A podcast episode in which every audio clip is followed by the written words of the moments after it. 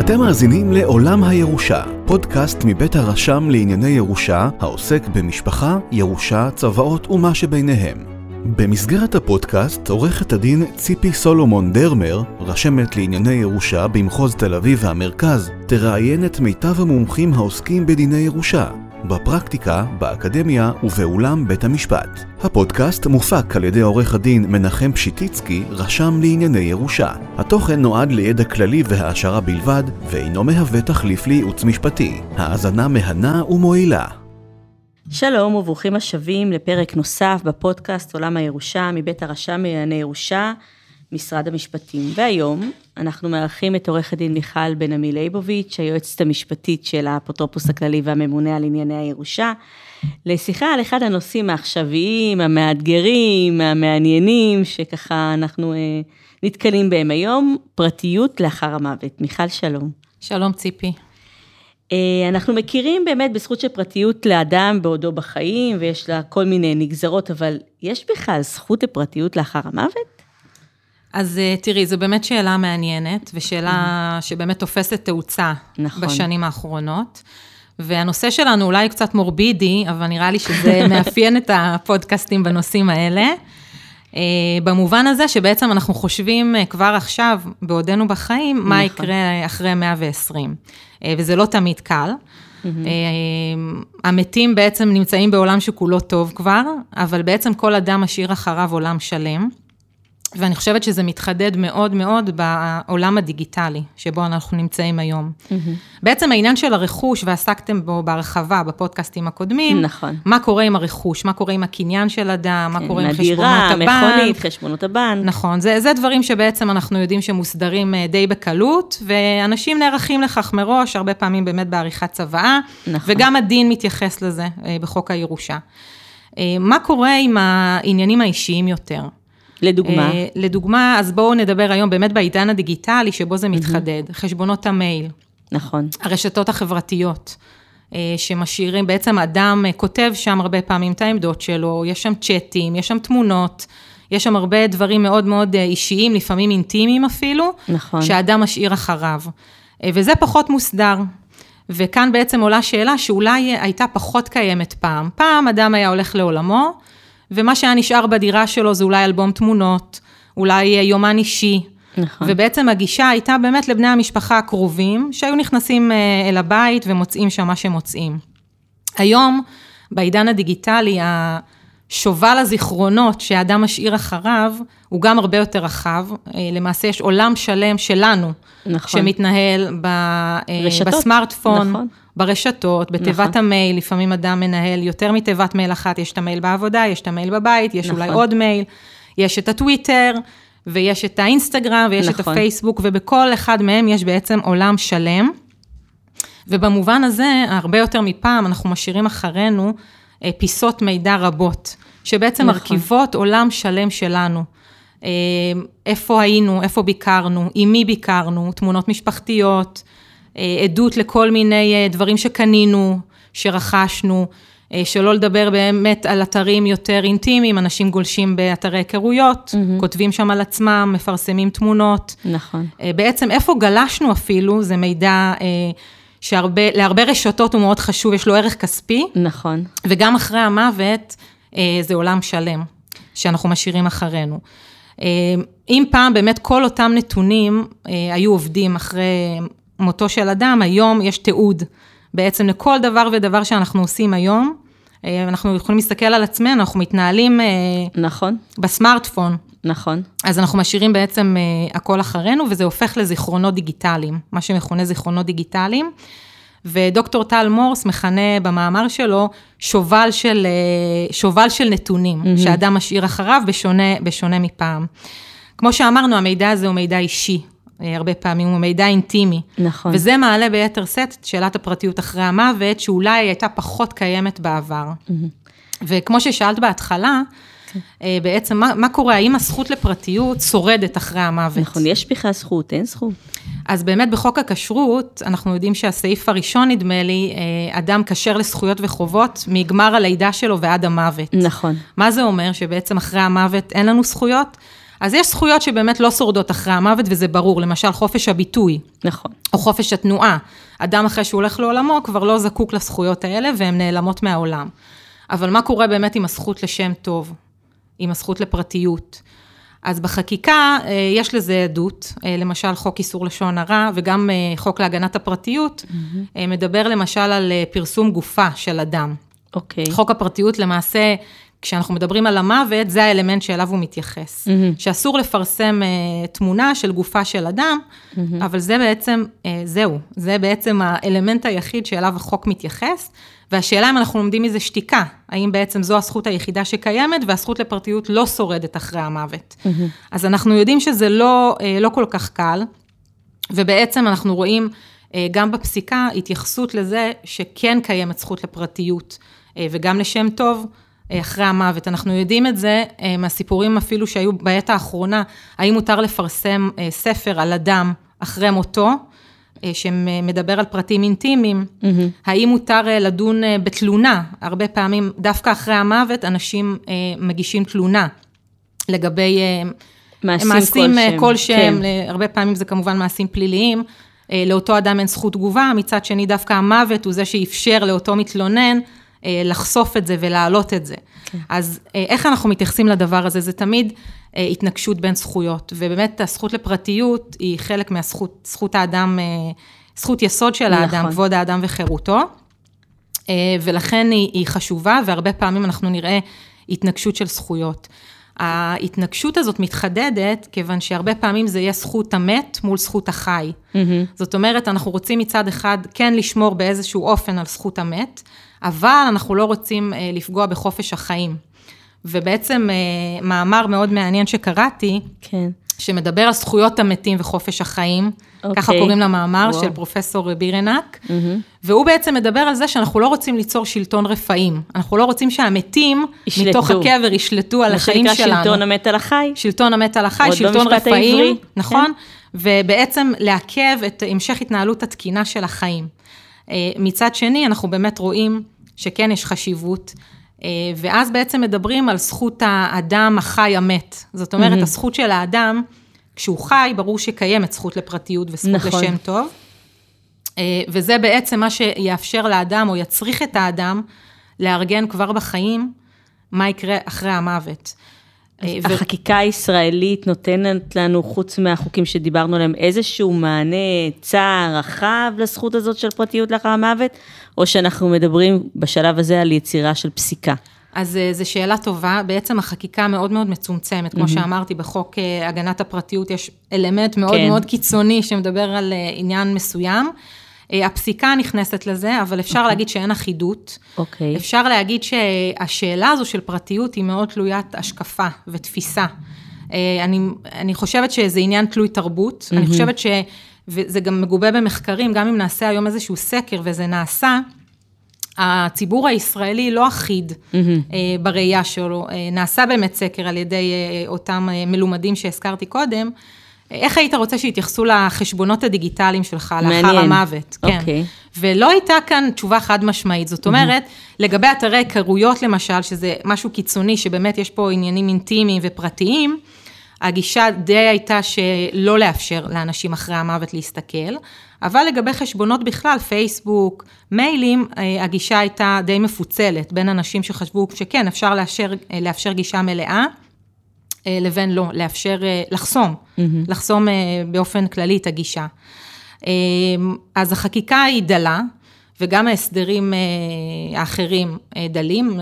באמת לרשתות החברתיות, פייסבוק וגוגל, יש איזשהו חוזה אחיד כזה שחותמים עליו, או okay. אוקיי. מאשרים אותו כשבאמת פותחים איזשהו חשבון. חשבון. אבל אני חושבת שצריך להעלות למודעות שלנו היום, מה אנחנו רוצים שיקרה עם אותם חשבונות, זיכרונות דיגיטליים. Mm-hmm. שאנחנו משאירים בעצם, אה, אה, שאנחנו משאירים אחרי אחרית ימינו. אה, ובאמת זה אחת המטרות, אני חושבת, שלנו בשיחה היום, להעלות, להעלות את העניין הזה למודעות. בואי נדבר רגע לא על חשבונות דיגיטליים, אלא דווקא על דברים יותר קונבנציונליים, כדי לחדד את שאלת הפרטיות הזו. אוקיי. כמו שאמרתי, זה מאוד תלוי תפיסה, זה מאוד תלוי תרבות. אני חושבת שביהדות, למשל, כן מסתכלים על, על המוות אה, כמשהו שעדיין דורש או מכבד מאוד את כבוד המת. אנחנו mm-hmm. יודעים שיש אזכרה, אנחנו יודעים שיש אמירת קדיש. נכון. זאת אומרת, מבחינת היהדות, המוות הוא לא בהכרח הסוף. ומייחסים חשיבות גם למה שיקרה אחרי אחר זה. כך. בתרבויות אחרות זה נראה אחרת, כן. לפעמים. ואז אולי השאלה היא פחות, אה, פחות תתחדד. Mm-hmm. אבל בואי נוריד את זה רגע לשטח ונדבר למשל על חשבון בנק.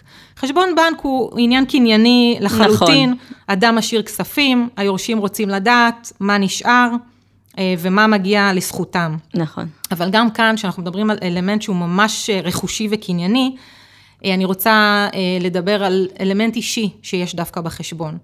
וזה לא רק מה נשאר בחשבון, איזה כספים ואיזה מניות אה, ואיזה נכסים אה, קנייניים נטו, אלא גם... נשארו כשאדם נפטר. נכון, אלא גם באמת, מה האדם עשה בחשבון? האם ליורשים אמורה להיות גישה לדבר הזה?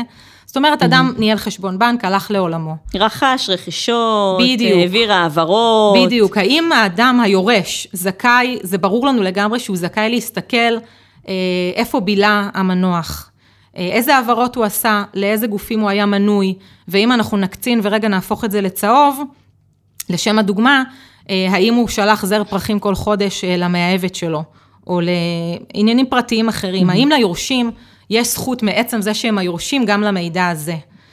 אה, וכאן באמת יש הבחנה, אה, יש הבחנה בפסיקה בין האלמנט הקנייני לבין האלמנט האישי יותר. כשהאלמנט כן. האישי יותר נכנס גם לאותם דברים שהם נראים לנו מאוד מאוד קנייניים ורכושיים. אה, והאדם, אותו אדם יורש, לא בהכרח יהיה זכאי להסתכל ולהציץ אה, לאלמנטים האישיים יותר שבדבר הזה. אה, נדבר על קופת מתי חולים. זה מתרחש? מתי כאילו בית המשפט באמת יגביל את היורש מלקבל את אותו מידע על תנועות אז, אז ופעולות היא באמת, שבוצעו? אז זו שאלה טובה, המגמה כן. היא באמת, האם יש קשר לזכות הקניין. זאת אומרת, היורש יכול להגיד, אני חושב שמישהו גנב מהמנוח כספים, או שהבנק גבה ממנו עמלות אה, לא כדין. אז לשם זה, ייתכן ובית המשפט, כדי שאותו יורש ישמור על זכות הקניין, יאפשר לו להסתכל אחורה בתנועות. אבל אם, אם הסיבה היא לגמרי אה, לראות מה נעשה ואיזה תנועות, אם אין הצדקה בעצם, קניינית. והנמקה קניינית לדרישה נכון. של היורש, אז בית המשפט ייטה כן, לשמור על הפרטיות נכון. של המת. נכון. אם אנחנו נקצין את זה לדוגמה אה, אה, נוספת של אה, קופת חולים. אוקיי. אה, קופת חולים, אדם הולך לרופא המשפחה שלו, ומספר, אה, כמובן, אה, רופא המשפחה חשוף לאיזה מחלות האדם מתמודד, אה, יכול להיות אפילו לדברים אישיים נוספים.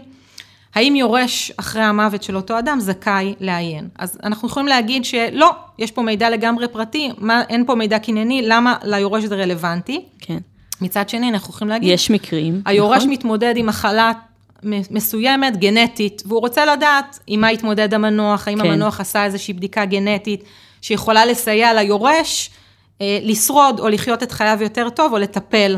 כן. וכאן באמת, שוב, עולה שאלת האיזונים בין הזכות באמת אה, של אותו אדם לפרטיות, לבין זכות היורש, הזכויות שלו, שהוא רוצה להגן עליהן, ובית המשפט יידרש פה אה, לאיזון מאוד מאוד עדין, אני חושבת.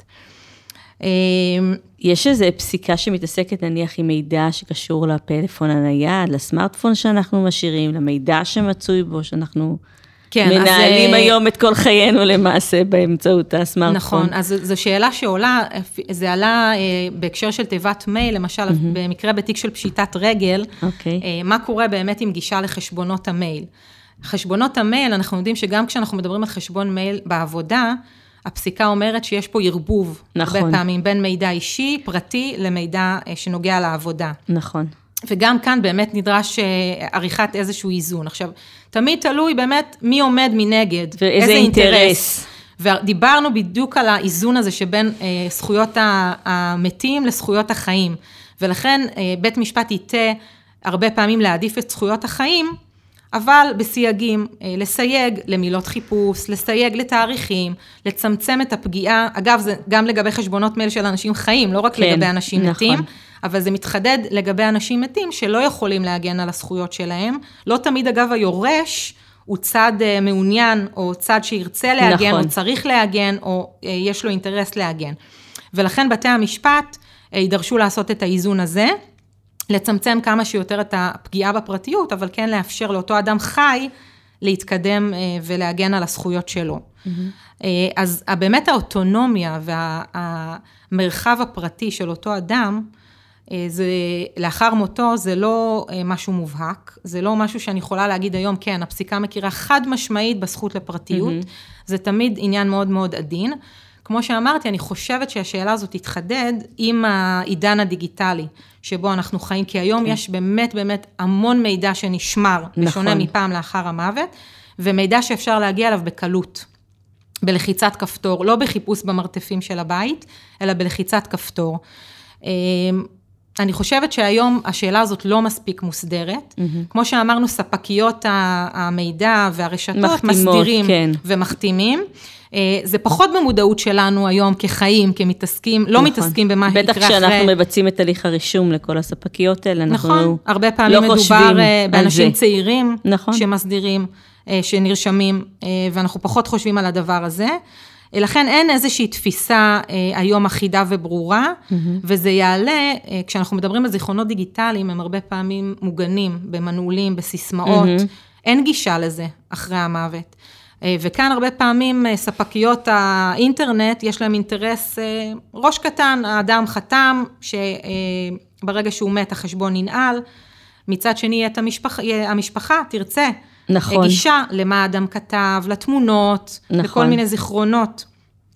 וכאן בתי המשפט עוד לא נכנסו, בארץ לפחות, עוד mm-hmm. אין הרבה הרבה פסיקה שמתעסקת בנושא הזה, ואני חושבת שככל שיעבור הזמן, השאלה הזאת תתחדד בין זכויות באמת של אותם אנשים חיים, בין אם יש להם אינטרס, ובין אם באמת הם בני משפחה שרוצים איזשהו שמירת זיכרון, זיכרון כן. מאותו אדם שהלך לעולמו. אה, ואני מניחה שככל שיעבור הזמן, גם תהיה הסדרה, אה, גם תהיה חקיקה. כן, גם הפסיקה תתפתח, גם הפסיקה בטוח. תתפתח, ותהיה יותר הסדרה של הנושא הזה. אבל אני חושבת שמה שחשוב אה, לנו, אולי בפודקאסט mm-hmm. הזה, זה באמת להעלות את המודעות הזו. להעלות את המודעות הזו, שזו שאלה שהיא לא מוסדרת, היא לא ברורה. ולכן כל אדם, כמו שדיברנו על איפויי כוח מתמשכים, כן. שאדם מסדיר כשהוא כשיר, מה יקרה כשהוא לא יהיה כשיר. נכון. אז uh, לגבי כל מיני עניינים, נכון, הרכושיים, אה, הרפואיים, האישיים, נכון. אז גם כאן אולי לעלות למודעות, שבשונה מהעניינים הקנייניים והברורים, מה יעשה עם החשבון הבנק ומה יעשה עם הדירה, גם מה יעשה עם אותם אה, חשבונות וזיכרונות דיגיטליים. של האדם אחרי, אחרי המוות. אז אולי אם אנחנו יכולים ככה לתת למאזינים שלנו עצה פרקטית, זה לחשוב כשהם עושים צבא, בעצם גם על הנכסים הדיגיטליים שלהם ועל הזיכרונות הדיגיטליים, ואולי אפילו להזכר אותם בצבא, יכול להיות שזה יכול להקל אחר כך על בית המשפט, שהוא יבצע את האיזון הנכון בין השמירה על כבודו של המת לבין שמירה, אם נקרא לזה, על, ה, על החיים. נכון, באמת אחרי שאדם הולך לעולמו, אין כבר מי שייצג אותו. נכון. לפעמים, חשוב להגיד, אגב, הרבה פעמים אני נתקלת באמירה, המשפחה היא זו שמייצגת את האינטרס שלו בצורה הכי טובה, הם הכי קרובים לו, אבל כן. לפעמים האדם רוצה לשמור על פרטיות דווקא מפני בני המשפחה. נכון. ולכן הם לא הגורם שבהכרח ייצג הכי טוב את האינטרסים. ולכן אדם היום בחייו, כן. כשהוא יסדיר, וכשהוא יאמר מה רצונו לגבי אה, הזיכרונות שלו והאופן שבהם הם יטופלו אחרי מותו, זה הדבר הכי טוב, אני חושבת, כן. שיכול לעשות. אני יכולה להגיד שאנחנו רואים, אמנם לא בהרבה מקרים, אבל יש כבר צוואות שאנחנו רואים שממש אנשים כותבים אפילו את הסיסמאות כניסה שלהם לכתובות המייל, לתוך הצבא, ולמי תהיה גישה. זה לא מאוד נפוץ, אבל אנחנו מתחילים לראות את ה... את, את ההופעה של המידע הזה גם בצוואות, כמו שהן נערכות היום על פי החוק. כן, אז זה הדבר האידיאלי, ובאמת העלאה למודעות, אני חושבת שתייצר יותר... ולחשוב בכלל יותר על הנכסים האלה שלנו. הסדרה אישית, נכון. ככה שבית המשפט לא זה שיצטרך לקבוע מה היה רצונו נכון, או אלא... חוסר רצונו, אלא האדם עצמו יכתיב מה, מה יקרה לאחר המוות. תודה רבה מיכל על שיחה מחכימה מאוד בתחום שהוא כל כך חשוב ומתפתח, ואנחנו uh, נשתמע בפרק הבא. תודה שהייתם איתנו בעוד פרק של עולם הירושה, פודקאסט מבית הרשם לענייני ירושה, העוסק במשפחה, ירושה, צוואות ומה שביניהם. אתם מוזמנים להאזין לנו בכל אפליקציית פודקאסטים שאתם אוהבים. להתראות בפרקים הבאים.